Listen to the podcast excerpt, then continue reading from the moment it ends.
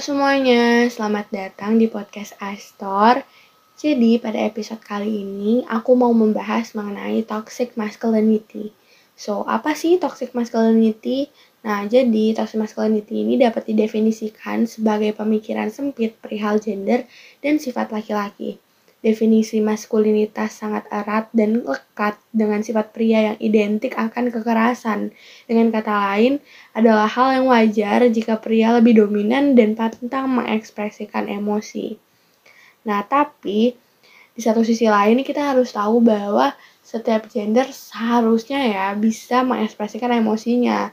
Jadi ada sebuah jurnal, uh, jurnal psikologi yang isinya mengenai toxic masculinity yang diakumulasikan sebagai kumpulan sifat maskulin dalam diri laki-laki yang digambarkan dominan, berkaitan dengan kekerasan, homofobia, dan cenderung merendahkan perempuan.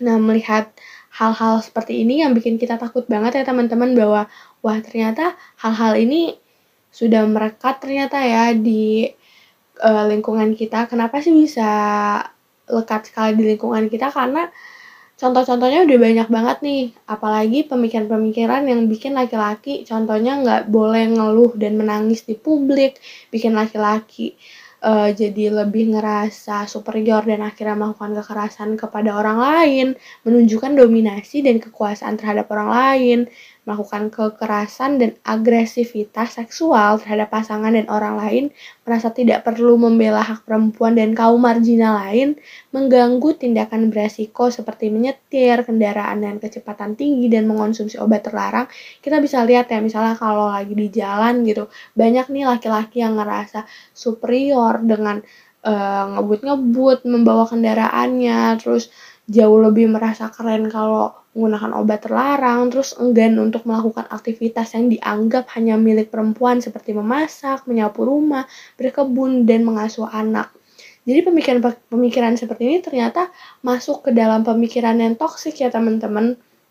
Nah kenapa sih hal ini bisa kental banget, bisa terus terjadi, terus dilanggengkan di masyarakat kita karena ada yang namanya patriarki nih teman-teman. Nah aku sebenarnya nggak bakal ngejelasin secara panjang patriarki karena emang bakal bakal lama obrolannya kalau kita ngomongin patriarki dasarnya dulu tapi memang term dari toxic masculinity ini datang dari pemikiran patriarkis yang sudah mengakar juga nih di lingkungan kita. Nah, sedihnya karena budaya ketimuran yang kental membuat perilaku semacam ini seolah hal yang lumrah di kalangan laki-laki. Padahal perilaku seperti ini berbahaya karena membatasi sifat pria dalam lingkungan sosial dan mengekang sosialisasi dalam masyarakat toxic masculinity secara tak langsung berdampak negatif pada laki-laki itu sendiri. Kan lama-kelamaan laki-laki tumbuh menjadi pribadi superior dan akhirnya tidak mau kalah dengan perempuan.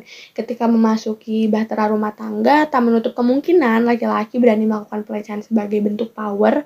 Lebih buruknya lagi, perilaku maskulin beracun ini nih yang toxic banget ini juga bisa memicu pelecehan seksual bahkan pemerkosaan. Nah, jadi contoh-contohnya jika pemikiran toxic masculinity ini dibiarkan terus-menerus di masyarakat kita akan banyak dampaknya nih seperti misalnya bullying atau perundungan, kekerasan dalam rumah tangga terhadap pasangan dan anak. Nah, teman-teman kalau lihat ya nih ya kekerasan dalam rumah tangga yang uh, banyaknya sering terjadi. Aku tidak menginvalidasi kekerasan yang terjadi yang dilakukan oleh perempuan ya, tapi memang dari datanya lebih banyak kekerasan dilakukan oleh uh, pasangan laki-laki di dalam sebuah rumah tangga karena memang ada pemikiran ini nih yang mana laki-laki merasa superior dengan bisa melakukan kekerasan terus ada kekerasan seksual juga nih yang bisa terjadi kepada pasangan penyalahgunaan obat-obatan terlarang bunuh diri trauma psikologis karena mungkin banyak banget nih laki-laki yang akhirnya tidak bisa mengekspresikan emosinya karena ada pemikiran sempit ini nih mengenai gender dan kurangnya persahabatan yang tulus. Kenapa sih? Karena kalau kita coba nih ya, kalau kita bayangin pertemanan cowok ya.